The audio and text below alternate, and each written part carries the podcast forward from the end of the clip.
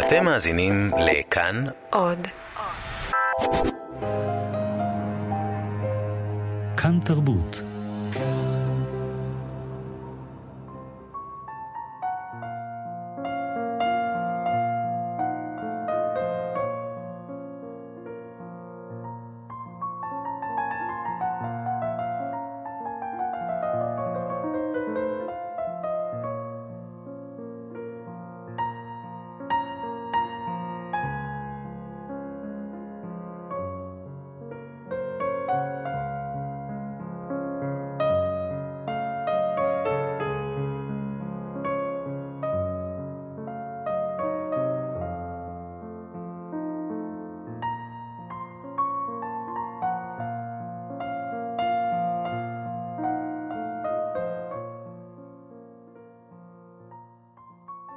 שני אנשי אס אס גררו איש צעיר למרכזו של המרובע. הוכיתי בחרדה כשזיהיתי שמדובר בג'ו, חברי האהוב, אותו הכרתי לפני שנעצרתי על ידי הנאצים. הוא היה בסך הכל בן 18, ולא ידעתי שגם הוא הובא אל המחנה. האם הוא הגיע לפניי או אחריי? לא ראינו זה את זה בימים שלפני תפיסתי על ידי הגסטאפו. ונחרדתי לראות אותו כעת במרכז המרובע, עיניו ריקות וכבויות, מלאות בדמעות וכאב.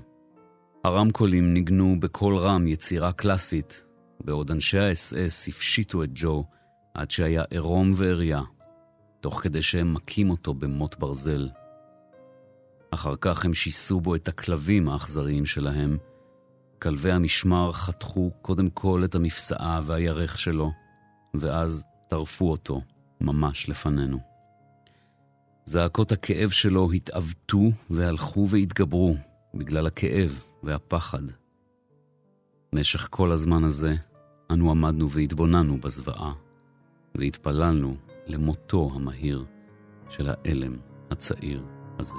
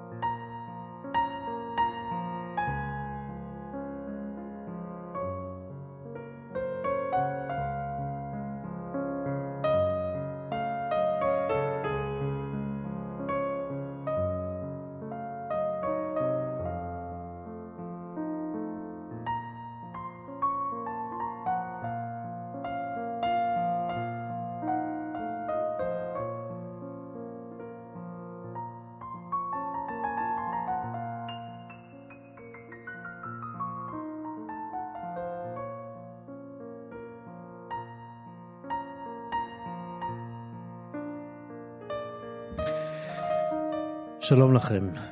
יובל גנור קרא קטע מטלטל מתוך uh, הספר הומו מגורש, ספר זיכרונות שכתב היהודי הצרפתי פייר uh, סיל. 40 שנה הוא נצר את התופת שריסקה את אישיותו במחנות הריכוז הנאציים, עד שסיל פרסם את ספרו. בין היתר, uh, גם כדי להסתיר את היותו הומו יהודי בשואה.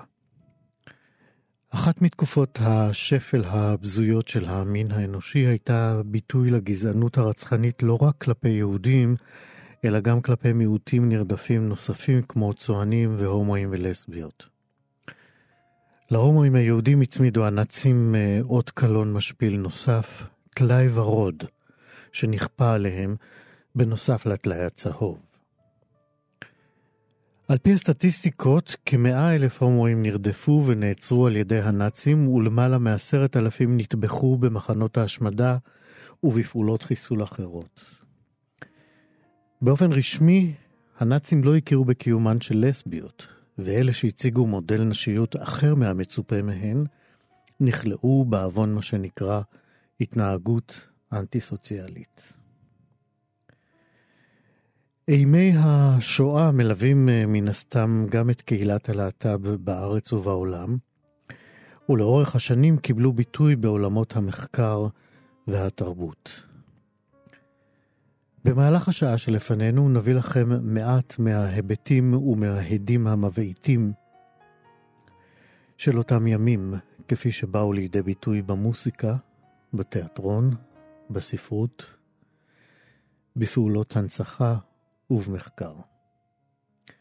יום השואה 2019 מצוין בעיצומם של ימים בהם קולות האנטישמיות, קולות של שנאת האחר, של שנאת הזרים, רק הולכים וגוברים.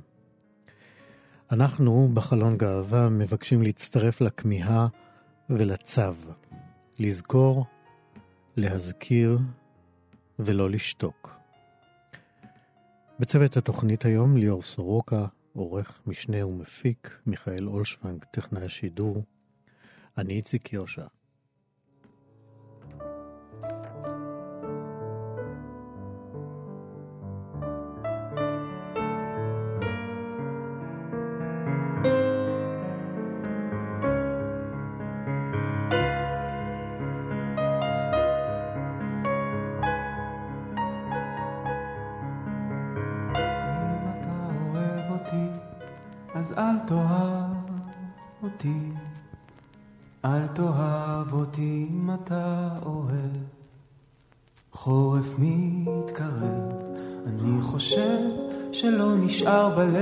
מקום לאף אחד אחר להתחמם.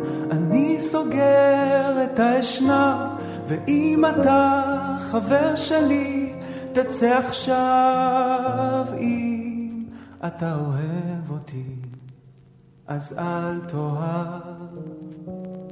כי רק מי שבאמת אוהב אותי החושך מנשב ברחובות ברלין, רחובות ברלין, כבר לא יראו זוג אוהבים שהתנפלו בנשיקות. בסוף הקרב ועיניהם ריקות מדאגה, רק זה שהתקרב אליי כבר לא ייגע בי מעכשיו, זה שאוהב אותי הוא לא יאהב שמענו שיר אה, מתוך אה, ההצגה עקומים שתועלה גם הערב בתיאטרון הבימה בתל אביב. המחזה הזה, שנכתב על ידי היהודי מרטין שרמן, הועלה לראשונה בשנת 1979, ומאז הוא זכה בעיבודים רבים בארץ ובעולם. בגרסה הקולנועית הייתה גם גרסה כזאת, כיכבו קלייב אוון, אה, איאן מקלן ומיק ג'אגר. זהו סיפור אה, אהבה קורע לב בין הורסט ומקס, שני צעירים הומואים גרמנים, שנכלאים אה, במחנה כפייה. סיפור אהבה ששיאו הוא כמתבקש במותם האכזרי. הלל מיטלפונקט אה, תרגם, אה, משה קפטן ביים את הגרסה שמועלית עכשיו בתיאטרון הבימה, ואנחנו אומרים אה, שלום לזמר ולשחקן שי גבסו. שלום. אתה מופיע בהצגה בתפקיד גרטה, זמרת הברים שמלווה את עלילת ההצגה. נכון. אז מעבר למסגרת שאני ציינתי הרגע, אולי תן גם אתה תקציר קצת רחב יותר של עלילת עקומים מהמבט שלך. אה, מהמבט שלי זה, זה בעצם מצד אחד זה סיפור אהבה אה, בין שני בחורים, אה, כשזה כמובן תמיד יש את על מה זה ועל מה זה באמת, ועל מה זה באמת זה בעצם על, ה, על השנאה לאחר, על חוסר הקבלה של האחר, זאת אומרת במחזה גם ה, מי שנחשב כהומו בעצם שונא שונא יהודים. אה, מה שהתפקיד שאני משחק, שזה גרטה, שבעצם אה, סוג של דרגיס, אז הוא גם שונא הומואים. המון המון שנאה למי שזר, למי ששונה. מה קורה אבל במהלך העלילה? בואו ככה ננסה להכניס את המאזינים לסיפור המעשה קודם. כן, מה, ככה נעשה להם ספוילרים? כן. אמ, אה, זה פשוט, אה, המחזה עצמו הוא על ליל הסכינים הארוכות, יש את מקס שהוא בעצם גבר אלפא, אה, מאוד מאוד שובה לב ו charmer, ויש את הבן זוג שלו שהוא ככה טיפוס יותר עדין, הרקדן, וזה פוגש אותנו, המחזה עצמו, בזמן שקציני האס-אס באותו לילה שרוצחים את כל קציני חיילי האס-אה. ומתוקף הדבר הזה בעצם גם לוקחים את ה... כל מי שנחשב כהומו, לוקחים אותם בעצם למחנות ריכוז. זאת אומרת, שזה גם משהו שהרבה דברים, תוך כדי שעבדנו, קפטן הבמאי נתן לנו כל מיני אינפורמציה שלא ידענו, כמו שהיה טלאי ורוד, וכמו שבעצם לקחו אה, הומואים למחנות ריכוז, גם לא יהודים כמובן. כן, בוא, בוא אמ, נשמע באמת קטע שבו השומרים אה, מתעללים בבן זוגו, אה, והוא מנסה לעזור לו, אך מישהו אחר עוצר אותו. בואו נשמע את הקטע.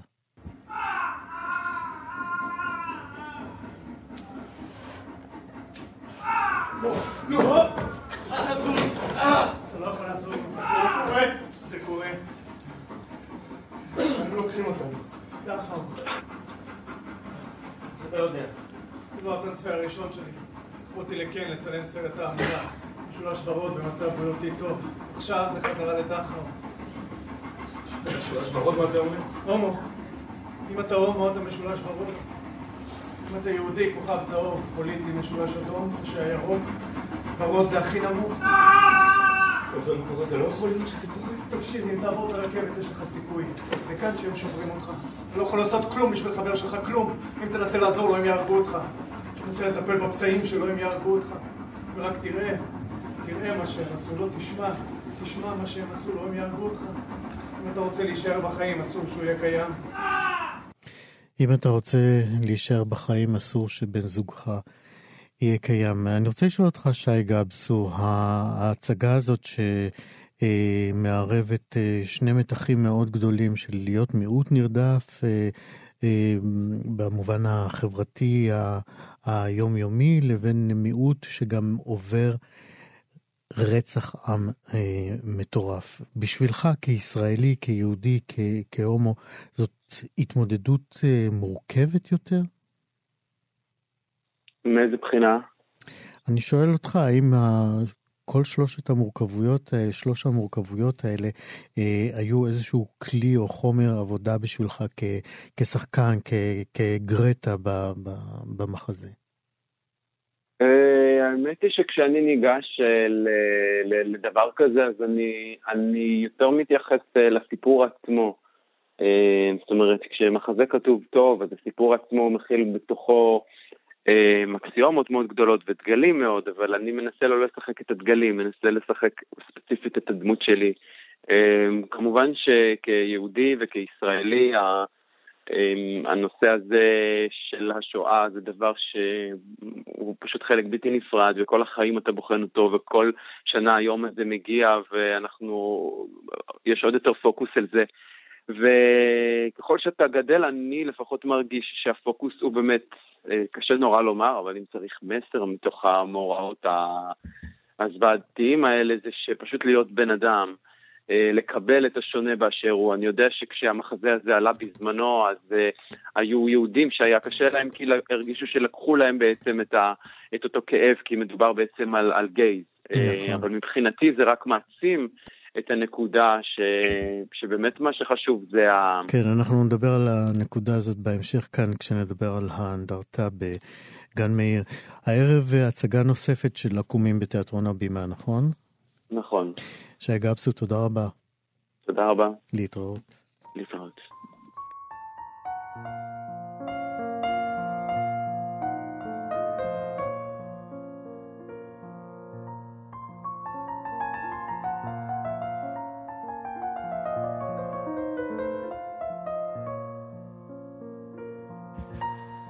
אנחנו עם אה, מחקר ישראלי שביקש לבדוק את מידת פגיעותם של הומואים בני הדור השני ביחס לקבוצות מקבילות להן באוכלוסיית ההומואים הישראלית. אמ, קבוצת חוקרים ישראלים מצאה כי הומואים בני הדור השני לשואה הם יותר פגיעים בהוויה הבין-אישית שלהם מהומואים ישראלים שאינם בני הדור השני לשואה. הפגיעות הזאת עלולה לבוא לידי ביטוי בהתפתחות ובהופעת סימפטומים של אה, דיכאון מוגבר ודיווח אה, באופן כללי על אה, שביעות או חוסר שביעות רצון מהחיים. עוד מעט נדע על זה יותר. הדיווח הזה, אגב, מלמד כי שביעות הרצון, אם תהיתם, מהחיים ירודה יותר אצל בני הדור השני מאשר אצל הומואים שהיו פטורים אה, מלגדול בצל אה, השואה בבית. אחד ממובילי המחקר הזה הוא דוקטור גבע שנקמן לחברג, שהוא פסיכולוג קליני ומרצה בכיר במרכז הבינתחומי הרצליה. שלום לך. שלום. למה בכלל יצאתם לדרך במרכז הזה, במחקר הזה? שאלה מצוינת. אה, אני חושב שיש לנו כבר גופי אה, ידע יחסית אה, מכובדים על נוער הומוסקסואלי, וגם בשנים האחרונות יש לנו לא מעט מחקר על הגיל השלישי. אבל בהקשר הישראלי, ולמעשה גם בהקשר העולמי, אין אף מחקר שנעשה עד עכשיו לגבי המפגש הזה שבין להיות אוכלוסייה של מיעוט סביב נטייה מינית, כלומר, אה, לדוגמה, גברים הומוסקסואלים, mm-hmm. והנושא של דור שני לשואה. מתי ו... אה, אה, ואיפה, אם בכלל, הבחנתם שיש הבדלים בהתנהגות הזאת, בצרכים הנפשיים של הומואים בני הדור השני לשואה? אז זה באמת עניין אותנו כי כלל ההומואים חשופים בעצם ללחץ פסיכולוגי שנקרא לחץ מיעוטים. כלומר שזה הלחצים הסביבתיים של סטיגמה, דעות קדומות, אפליה. הלחצים המוכרים לנו. נכון, נכון, ואלה לחצים שמייצרים אה, סטרס, והם יכולים לפגוע בבריאות הנפשית.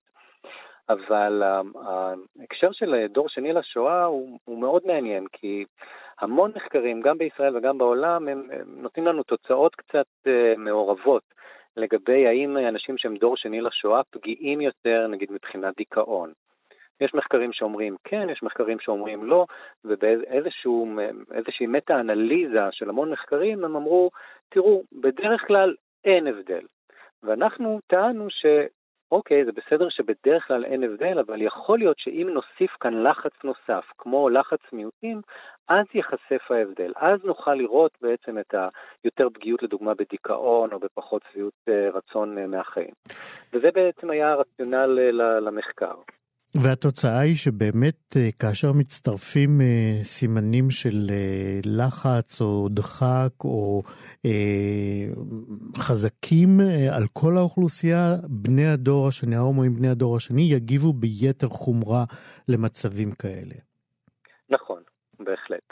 זאת אומרת, אנחנו ממש רואים שהגברים הומואים שהם בני הדור השני לשואה גם דיווחו על יותר פגיעות בין אישית ביחס לגברים הומואים שהם לא הדור השני לשואה.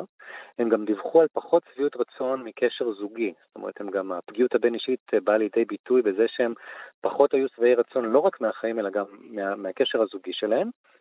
ושאותה פגיעות בין אישית הייתה גם מקושרת עם יותר סימפטומים דיכאוניים. כלומר, אנחנו בהקשר הסטטיסטי קוראים לזה קשר עקיף. כלומר, גם אם קשה לנו לראות קשר ישיר בין היות דור שני לשואה והומו ודיכאון, אנחנו כן רואים שהקשר הזה מתגלה כשאנחנו מסתכלים על המשתנה של פגיעות בין אישית. כלומר... כן, כמה, כמה נחקרים אה, השתתפו במחקר הזה? באמת זה מחקר יחסית גדול בהקשר של האוכלוסייה הזאת. מדובר ב-79 גברים הומוסקסואלים שהם דור שני לשואה, mm-hmm. שהממוצע הגילאים שלהם הוא גיל 60, כלומר זו אוכלוסייה שלא פשוט לדגום אותה. נכון, מתי נערך ו... המחקר? אה, אספנו את הנתונים האלה במהלך השלוש וחצי שנים האחרונות, וכבר פרסמנו אותם לפני שנה. וקבוצת הביקורת הייתה 129 אה, גברים הומואים שהם לא בני הדור השני לשואה. האם אה, בעקבות תוצאות המחקר הזה אצלכם בקליניקות שלכם נוצר צורך בהתוויית תוכניות טיפול אחרות או התייחסות אחרת בקליניקה? חושב שכן, אני חושב שגם במחקר אנחנו בעצם מציעים איזה שהן השלכות יישומיות אה, קליניות באמת גם לארגונים שעובדים עם, אה, עם בני הדור השני, כמו עמך, וגם קבוצות אה, ייעודיות אולי בארגונים הגאים. מכיוון שכן מדובר כאן באוכלוסייה שנושאת אה, לחץ כפול, גם את הלחץ של ההעברה הבין-דורית של טראומה, וגם את לחץ המיעוטים. והלחץ הכפול הזה כן אה, מצריך אותנו כאנשי מקצוע גם להיות יותר ערניים לאתגרים בבריאות הנפשית שזה יכול לעורר, גם להפנות את הקשב הטיפולי למקומות האלו. הדוקטור גבע שנקמן אה, לחברג, פסיכולוג קליני ומרצה בכיר במרכז הבינתחומי בהרצליה על אה, דיכאון בקרב הומואים בני הדור השני. תודה רבה על השיחה הזאת. בברכה. להתראות. להתראות.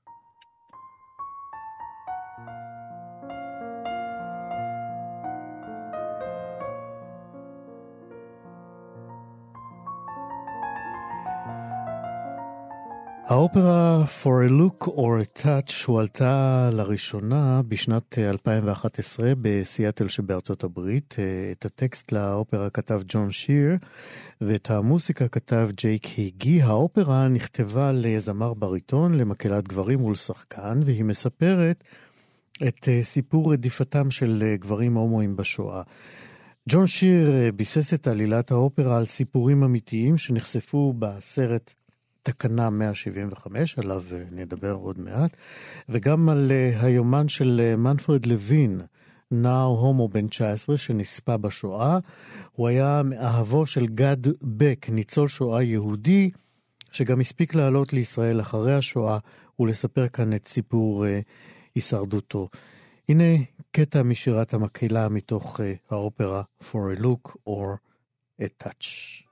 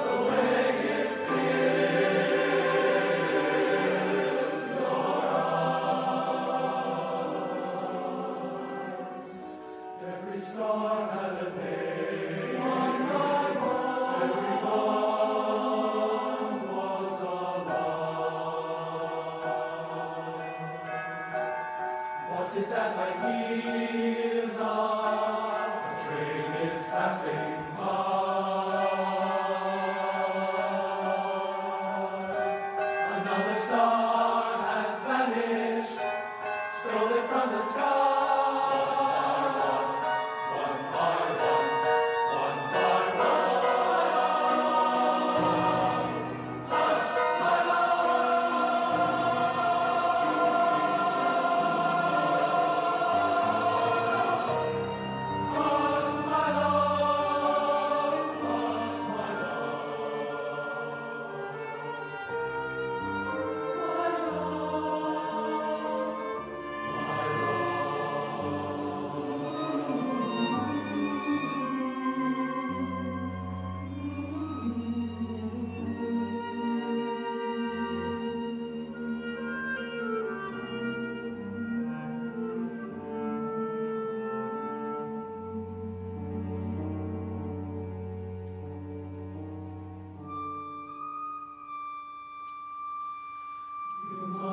be of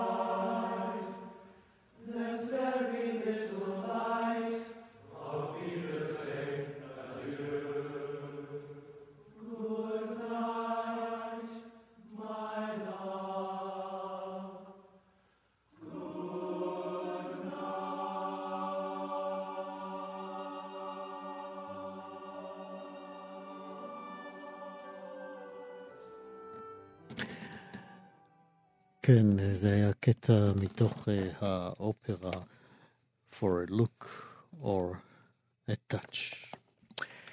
מלאכת הפיוס של uh, גרמניה, שאחרי המלחמה הייתה קשה ומורכבת uh, לא רק מול היהודים ומדינת ישראל, אלא גם מול אוכלוסיית הלהט"ב בשתי הגרמניות. חוקרים מניחים או סבורים שלמעלה מ-50 אלף נשים וגברים נרדפו על ידי הנאצים רק בשל היותם הומואים ולסביות, כשבעת אלפים מהם גם נרצחו על הרקע הזה. סעיף 175 אה, בחוק הגרמני הידוע לשמצה אסר על יחסים אה, הומוסקסואליים ונשאר על כנו בשתי הגרמניות המערבית והמזרחית עוד שנים ארוכות, כמעט עד סוף שנות ה-60 של המאה הקודמת. ודווקא בגרמניה המערבית ולא במזרח הקומוניסטי השמרן, הרדיפות אחרי הומואים ולסביות אה, נמשכו ביתר שאת, והמספרים מורים על כך שעד 1969, אה, שזה מועד ביטול החוק, הורשעו במערב גרמניה 50 אלף גברים בעבירה הבלתי נתפסת היום אה, על היותם, רק על היותם. הומואים. האורח הבא שלנו כאן באולפן הוא אבנר שפירא, שהוא סגן עורכת מוסף הספרים של עיתון הארץ. וגם אה, מרבה לכתוב על אה, תרבות גרמנית. שלום אבנר. שלום איציק. תודה שבאת אלינו. תגיד, איך, אה, איך אנחנו מסבירים את הפער באכיפה בין מזרח גרמניה למערב גרמניה? אה, אז באמת... נגד הומואים ולסביות. כן, אז באמת לאחר המלחמה, אה, מה שמבדיל את ההומואים מהיהודים, מנכים, נפגעי נפש וקבוצות אחרות שנרדפו על ידי הנאצים, שהם לא יכלו לקבל פיצויים, אה, מכיוון שהעבירה נשארה בתוקף. אותו סעיף 175 נשאר על כנו. מה שבאמת מעניין, שבמערב גרמניה נשאר הנוסח הנאצי של החוק, הנוסח המחמיר עם שנים לא מעטות בכלא. במזרח זה השתנה? כן, במזרח בשנות ה-50 אה, קיבלו חוק מתון יותר, והאכיפה, כמו שאמרת גם בנתונים, הייתה הרבה יותר מינורית. זה כמובן לא אומר שחייהם של הומואים ולסביות במזרח גרמניה אה, היו אה, טובים במיוחד. לא, לא חשבנו. לא, לא הייתה אפשרות להקים כן. ארגונים להט"בים, לא הייתה אפשרות לקדם תרבות ודיון ציבורי, אבל דווקא בהיבט הפלילי, המשפטי, רק מעטים, פחות מחמשת אלפים הורשעו, ואגב, מזרח גרמניה הקדימה את מערב גרמניה בביטול החוק, כבר בשנת 68 אה, היא ביטלה אותו, ומערב גרמניה אה, שנה לאחר מכן. שנה לאחר מכן. למה בעצם, אה, מי הוביל את השינויים בחוק בגרמניה המערבית?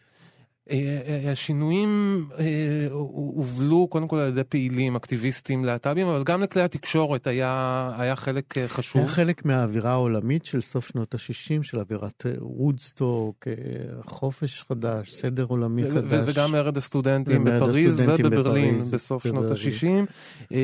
נהוג לציין כתבה גדולה בעיתון דר שפיגל בסוף שנות ה-60, שהייתה אחד הגורמים לשינוי במערב. וכן, זה כמובן חלק... היה בה הצבעה על האבסורד בכך שחוק נאצי ממשיך להיות בתוקף בגרמניה הדמוקרטית הפוסט-מלחמתית, ואנשים, ואנשים לא מעטים, אנחנו מדברים על בערך 50 אלף איש, נשלחים לכלא על משהו שסביר היה להניח ש, שיבוטל מיד, מיד לאחר תום התקופה הנאצית. והוא בוטל ב-1969, אבל עדיין לא נמחק מספר החוקים לגמרי, וזה קרה בעצם כמעט 25 שנה מאוחר יותר. נכון, רק בשנת... איך מסבירים את המהלך הזה? קודם כל צריך לומר משהו לא בתור הצדקה, אבל בתור איזשהו הסבר לעיכוב המאוד ממושך הזה, שגם השיח המחקרי, האקדמי, על רדיפת ההומואים בגרמניה הנאצית, לא היה, לא התפתח כמו שהתפתחו אה, השיחים והדיונים המקבילים על יהודים וקבוצות אחרות, למעשה רק בשנות ה-70 וה-80 מתחילים להתפרסם המאמרים והספרים הראשונים שמצביעים על היקף התופעה אה, אה, ונכנסים ממש לפירוט של הסבל שעברו ההומואים באותה תקופה. אז אני משער שגם זה היה גורם שעיכב את ההכרה. בסופו של דבר באמת רק 50, רק בשנת 94, כלומר כמעט 50 שנה לאחר שהנאציזם עבר מן העולם, רק אז גרמניה מוחקת סופית את, ה, סליחה, את העבירה הפלילית של הומוסקסואליות, וכעבור כמה שנים מתחיל תהליך שאולי אני אפרט מיד עליו, של אה, אה, סליחה, חנינה, מחיקת כל ההרשאות, כן. ובסופו. של דבר גם פיצויים. אז זהו, מאיזה שלב אה, בעצם אה, ההומואים אה, נרדפי הנאצים בגרמניה אה, היו זכאים גם אה, לפיצוי שכל הקבוצות האחרות אה, נהנו מהם? כן, אז קודם כל, אולי אני אומר כהערה מקדימה, אנחנו בעצם מדברים על שילומים. יש מילה בעברית שמתייחסת לסוג הזה של פיצוי, נכון. אבל בגלל הרגישות והייחודיות שלה, נדבר כאן יותר על, על, על פיצויים. אז כמו שאמרנו, רק בשנת 94 בוטל סופית סעיף 175, ורק אז הומואים שנפגעו ונשארו בחיים לאחר התקופה הנאצית, יכלו להתחיל לקבל, כמובן מי שנותרו היו מבוגרים מאוד, לקבל את הפיצויים. אבל מה שההתפתחות המעניינת של השנים האחרונות היא שבשנת 2017 גם הומואים שהורשעו ב, על פי אותו סעיף לאחר הנאציזם, זאת אומרת עד סוף שנות ה-60, גם הם רשאים לקבל פיצוי. והתפתחות... מהם זה נמנע אה, כאשר התיקון, כאשר החוק נמחק ב-94? כן, כן, בעצם גרמניה הכירה באחריותה לרדיפת ההומואים בתקופה הנאצית, אבל סירבה לעשות את הצעד המשלים של אה, הכרה בנרדפים על פי אותו סעיף. על פי אותו חוק שנשאר בעצם תקף עד 69. כן, וזה למעשה שינוי של השנתיים האחרונות. אה, אולי אני אציין את הסכומים. אה, זה מעניין, כי גרמניה הצטרפה לאיחוד האירופי, והאיחוד האירופי לא כל כך אה, טולרנטי לחוקים מהסוג שעדיין היה תקף בגרמניה. אז איך הם הצליחו לעבור את מהמורת האיחוד עד 2017? קודם כל צריך לומר שהחל מסוף שנות ה-60 לא הייתה יותר אכיפה פלילית ומאסר וכליאה של הומואים בעוון. זאת אומרת בעצם החוק היה אות מתה אבל עדיין אבל שם עדיין, כמו אבל... בחוק בישראל עד 1988. כן.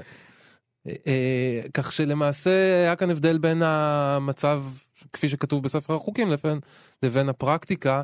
כמובן צריך לומר שבהיבטים אחרים גרמניה היא מדינה מאוד מתקדמת ביחס לזכויות להט"בים. אלה, אלה שני צירים שלא תמיד אה, נפגשו לאורך השנים. כן. מה המשמעות של החנינה שדיברת עליה עכשיו? החנינה אה, כולל אה, הבעת סליחה של הפרלמנט הגרמני בפני כל ההומואים. אה, נרדפי הנאציזם, המשמעות שלה היא בעיקר סימבולית, אה, אה, לקיחת אחריות והבנה שהממשלה הגרמנית נושאת באחריות לאותה רדיפה. אה, איך זה התבצע פרקטית? הייתה איזה מין אה, הכרזה של ראש הממשלה, של הקנצלרית, של... של הבונדסטאג. אנחנו מדברים על אה, שנת 2000 ושנת 2002, עדיין לפני עידן אנגלה מרקל, שרדר היה אז הקנצלר, שבעצם זאת הייתה איזושהי הכרזה פומבית שהפרלמנט קיבל. והפרלמנט בתפקידו כבית המחוקקים גם העניק את החנינה ואת ביטול, ביטול ההרשאות תחילה רק אלה שהורשעו בתקופה הנאצית ולאחר מכן גם אלה שהורשעו או אפילו רק נחקרו והיו נתונים למעקב אה, במערב גרמניה, בעיקר במערב גרמניה בשנות ה-50 וה-60. אבנר שפירא, האם אה, אה, המשמעות של החנינה והסליחה באה לידי ביטוי גם באקטים נוספים מעבר להחלת חוקי הפיצויים או השילומים אה, על נפגעי הנאצים ההומואים? אה, המשמעות המרכזית היא, היא הקמת האנדרטה לזכר ההומואים נפגעי הנאציזם בברלין, היא נחנכה בשנת 2008. שהיא ממוקמת ממש לא רחוק מהאנדרטה לזכר היהודים נספי השואה. נכון, יש אפילו כאלה שרואים בה איזושהי הסתעפות של האנדרטה הגדולה, כמו, כמו האנדרטה לזכר היהודים, גם היא בנויה כמין גוש בטון, אבל מה שמייחד אותה זה שהיא ממש מעבר לכביש, גוש בטון אחד, אבל כשמתקרבים אליה גוש הבטון, סרטון רואים שיש עינית שדרכה אפשר להציץ ולראות אה, אה, סרטון שמתעד אה, אה, נשיקה בין שני גברים. אה, אגב, על זה הייתה מחלוקת גדולה בגרמניה, האם להציג... מה? האם להציג רק אה, נשיקה בין גברים, אה, ובסופו של דבר הוחלט אה, להחליף אחת לשנתיים את הסרטון המוקרן באנדרטה. למשך שנתיים זוג גברים התנשקו בסרטון, ולאחר מכן זוג נשים, וזאת חרף העובדה שרדיפת הלסביות הייתה מתונה בהרבה מאשר... מינורית מאוד. לשמחתנו, כן, אבל...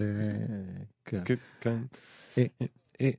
ובמהלך הדיון הציבורי ש, שמן הסתם אה, בקע שם, האם היינו עדים גם לגילויים הומופובים חדשים בגרמניה?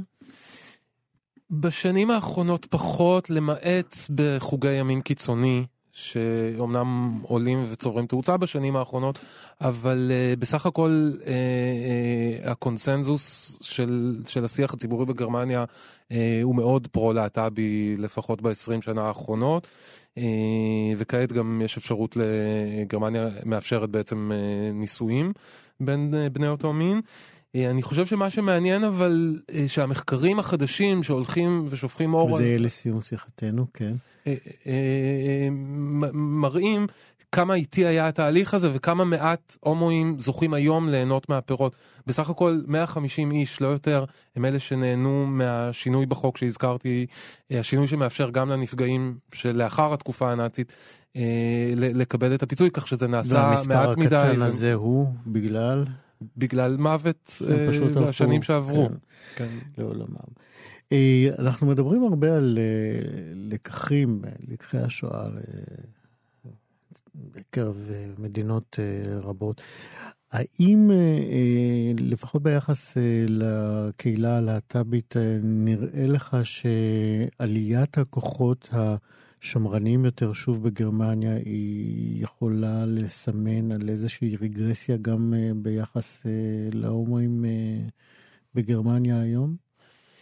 יש חשש כזה, גם מי שמדבר עם, עם, עם אה, הומואים, לסביות אה, בגרמניה, אה, רואה אצלם את החשש שהפריחה וההפיכה של ברלין לבירה גדולה של התרבות הלהט"בית עלולות לעורר תגובת נגד, תגובת נגד למעמד המאוד בולט הזה. אני לא רואה סימנים לכך בחקיקה, בתקשורת, בתרבות, אבל אתה יודע, ההיסטוריה לא, לא נגמרת וקשה לנחש מה, מה ילד יום. נכון. אבנר שפירא, סגן אה, עורכת אה, מוסף הספרים של עיתון הארץ, הוא מי שכותב על תרבות גרמנית. אה, תודה רבה על השיחה המרתקת הזאת. תודה, איציק. להתראות.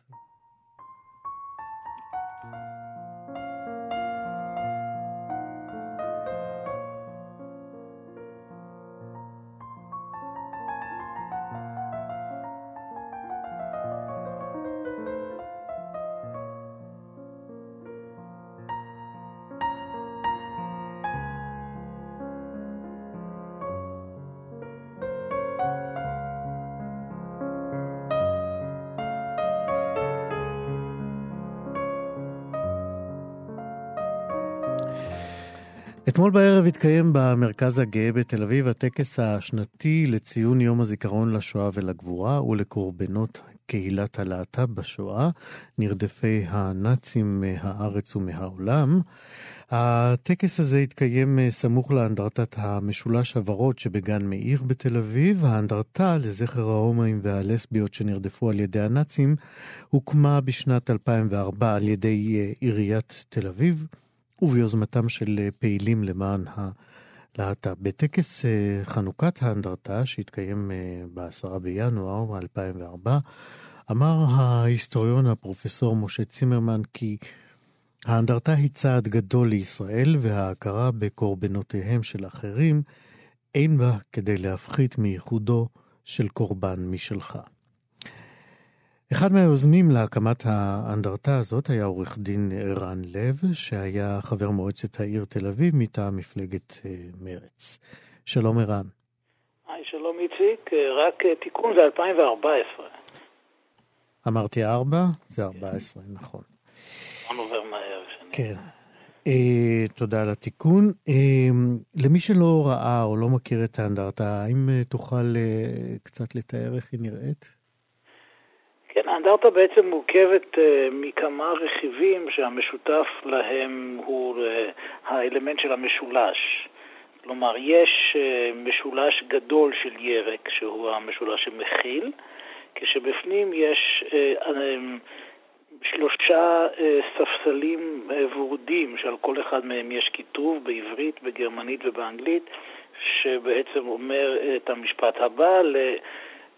אם אני לא זוכר, אם אני מיטב זיכרוני, לזכרם של נרדפי הנאצים בשל אה, אה, זהותם, זהות, זהותם המגדרית ונטייתם המינית, וביחד עם זה יש גם פירמידה משולשת שכוללת את אה, תמצית הפרשה בעברית ובאנגלית. מי עיצב את האנדרטה? מי שבעצם זו עבודה משותפת של צוות שהיה לי את העונג להוביל. בעיריית תל אביב, ביחד עם האדריכלית הגנים שבעצם עשתה את הפיתוח של הגן, של גן מאיר באותה תקופה, כשפרופסור צימרמן נתן לנו את הייעוץ המדעי. אה, בדרך להקמת האנדרטה הזאת, אה, אני מניח שהיא לא הייתה לגמרי קלה, והיו מן הסתם אה, התנגדויות כאלה ואחרות. אתה יכול לשתף אותנו בחלק מהן? האמת היא שהופתעתי שזה היה הרבה יותר קל ממה שחשבתי, כי ראש העיר אה, היה מאוד אוהד, מאוד עזר, מאוד סייע. היה ועודו, יש לשמוח. כן, רון חולדאי. היה, היה ועודו, כן, אין ספק ש... הוא אחד מהראשי העיר, אולי הפרו-קהילה ביותר בעולם. אה, ולכן מהבחינה הזאת זה לא היה קשה. גם ב... לא היו התנגדויות אידיאולוגיות או פוליטיות במועצת העיר. למעט איזו הערה אחת הומופובית של אחד מהחברי המועצה הדתיים, אבל uh, מכיוון שבתל אביב הם די קטנים... בשישים. כן, הם די קטנים וחלשים, אז uh, הוא די ירד מזה מהר מאוד. Uh, מה שכן, היינו צריכים, uh, כמו שאתה מכיר את הקהילה, היינו צריכים ללכת באופן כזה שלא יפגע באף אחד מהאגפים של הקהילה, ולכן הכיתוב הוא כיתוב שהוא מכיל. הוא מתייחס למעשה לכל uh, רכיביה של הקהילה, הן לטרנסים, הן להומואים, הן ללסביות. גם בכיתוב המדעי שמופיע על האנדרטה יש התייחסות הן להומואים והן ללסביות. למרות שאי אפשר להתעלם מזה שהסעיף הרלוונטי, סעיף 175 לחוק הפלילי הגרמני, אה, כוון אך ורק נגד הומואים. אה, הלסביות בתקופה ההיא נרדפו בצורה יותר מינורית. זוהי בעצם האנדרטה היחידה בישראל שמנציחה קורבנות שואה שאינם יהודים. יש אה, עוד מקומות אה, בעולם עם אנדרטאות אנדרטאות כאלה? אה, יש בברלין, יש באמסטרדם, אם אני לא טועה, יש באוסטרליה, יש כמה כאלה בעולם, כן. לא בישראל. ערן אה, לב, עורך דין ערן לב, שהיה אה, מיוזמי הקמת אה, האנדרטה לנרצחי השואה מקהילת הלהט"ב, תודה רבה על השיחה. תודה רבה לך. להתראות.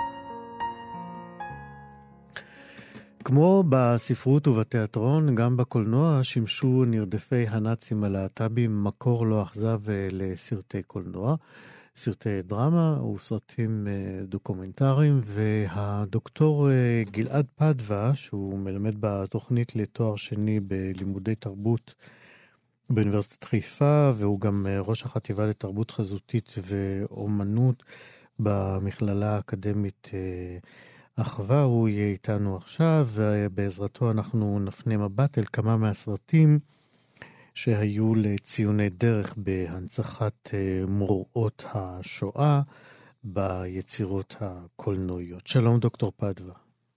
שלום איציק, שלום רב. בואו נתחיל עם הסרט שכבר עלה פה אה, באחד, אה, בכמה מהשיחות הקודמות שלנו כאן היום, אה, תקנה 175. אנחנו נאמר שמדובר בסרט דוקומנטרי שמביא את סיפורם של גברים הומואים ואישה לסבית שנאסרו על ידי הנאצים, כמובן רק בשל נכון. היותם הומואים ולסבית.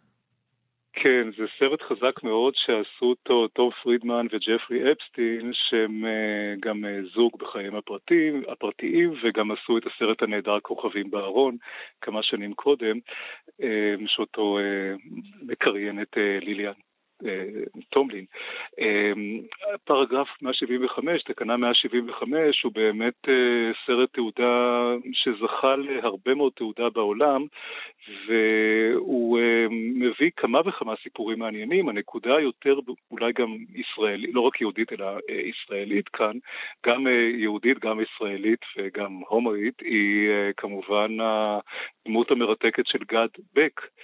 גד בק אה, הוא אה, יהודי יקה שהצליח לשרוד בתוך ברלין, הוא נשאר בברלין בתקופת השואה, על אף שהיה יהודי. כן, והזכרנו קודם את האופרה, שחלק כן. מהסיפור שם הוא סיפורו של המאהב של גד בק, כן. נכון, נכון שאותו הוא ניסה להציל, אך לצערנו, כן, כמו שציינתם, נספה באושוויץ לצערנו האהוב ליבו, כן. זה בהחלט סיפור עצוב.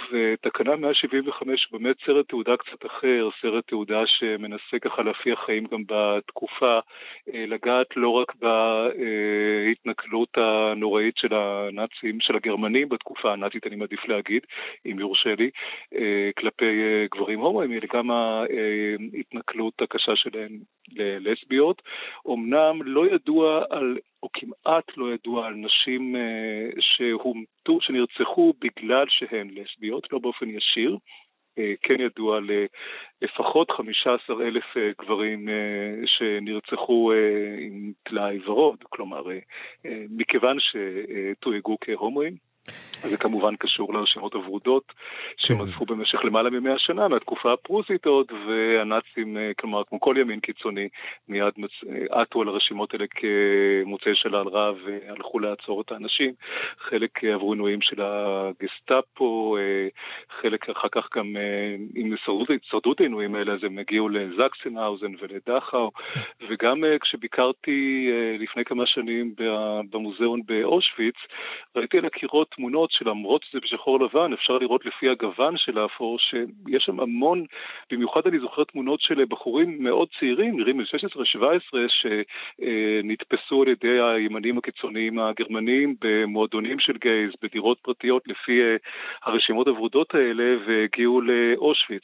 עכשיו, בתקופה שבה אה, בהתחלה הגרמנים אה, באמת צילמו כל אסיר שמגיע, מלפנים ומהצד, ויש תיעוד של זה בשלב מסוים הגיעו כל כך הרבה אנשים uh, לשם שהם כבר uh, הפסיקו לצלם ולתעד בכזאת uh, דייקנות, אבל כן. עדיין אפשר לראות שם, אגב אני חייב לומר, אני רוצה פה לומר וזה נורא חשוב לי, שכשביקרתי ביד ושם לפני כמה שנים עם קבוצה של תלמידים, המדריכה לא ידעה כמעט כלום על בובה שמופיעה שם, שעליה יש את הבגדים, בגדי ה...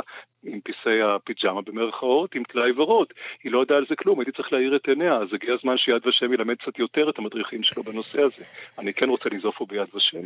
אני גם רוצה להזכיר את מה שהיה לפני כמה אה, שנים, שניסו שם, אה, כן, אה, כזכור, אה, לקרוא יזכור לקורבנות השואה ההומואים, וזה נתקל בהתנגדויות אה, קשות. עכשיו, לגבי סרטים עלילתיים, בוא נלך רגע באמת לסרט הבא שעליו אני רוצה שנתעכב, על אמה כן. ויגואר. זה על סרט שנעשה על פי ספרה נכון. של אריקה פישר. אכן, הסרט מספר על, הוא למעשה הסרט למיטב ידיעתי היחיד שעוסק בנשים לסביות בתקופת השואה. הוא סרט שנעשה על ידי גרמניה, והוא בהחלט מנסה למרק את המצפון הגרמני באופן שבעיניי מעורר חלחלה.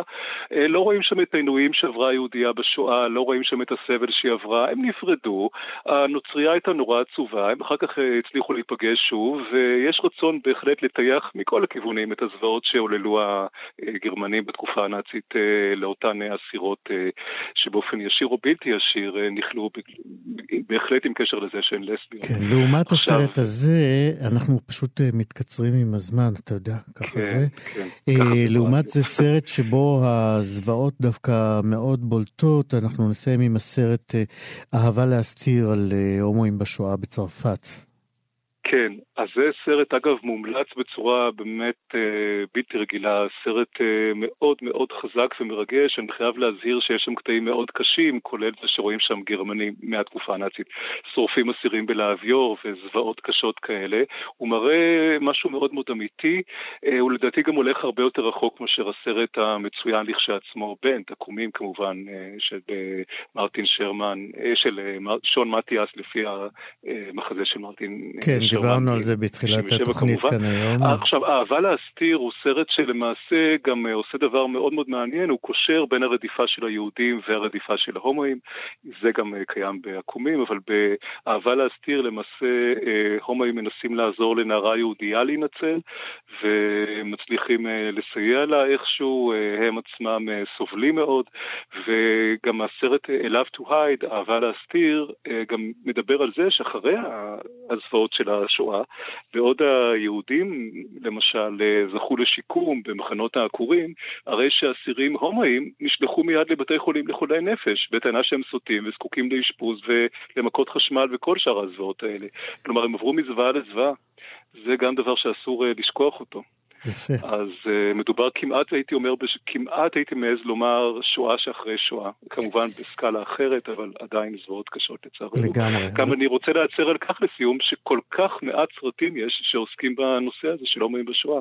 זה נושא מאוד מוזנח בקולנוע וגם בעשייה המחקרית. אין כמעט מחקרים בנושא הזה. כשכתבתי על זה מאמר על הפתיח של הקומי לפני כמה שנים, באמת הייתי צריך ממש להקיז דם כדי למצוא איזה שהם חומרי מחקר שכבר קיימים. אבל... בואו אה, נקווה מכאן כן. שככל שיעברו הימים, אה, אה, מלאכת התיעוד והעיבוד של הזוועות האלה תלך תגדל. ותגדל. כן. הדוקטור גלעד פדווה, תודה רבה. אני מודה לך מאוד. להתראות. שלא נדע עוד אסונות. תודה רבה.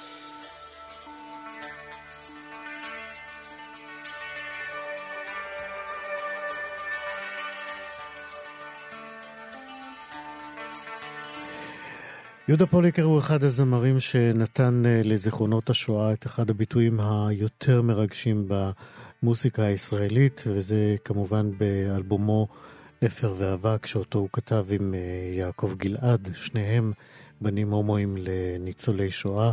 ועם התחנה הקטנה טרבלינקה אנחנו מסיימים חלון גאווה ליום השואה. תודה רבה לליאור סורוקה, עורך המשנה ומפיק התוכנית, מיכאל הולשוונג, טכנאי השידור, אני איציק יושע.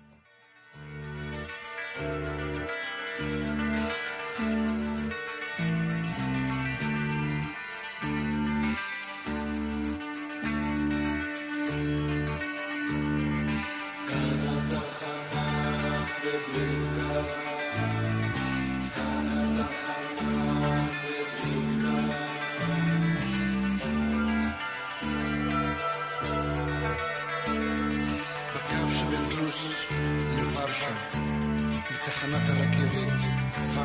אוסט. יוצאים ברכבת ונוסעים ישר.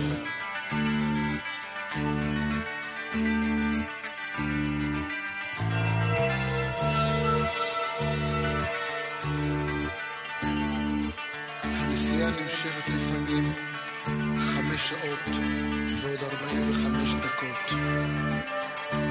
לפעמים נמשכת אותה נסיעה חיים שלמים.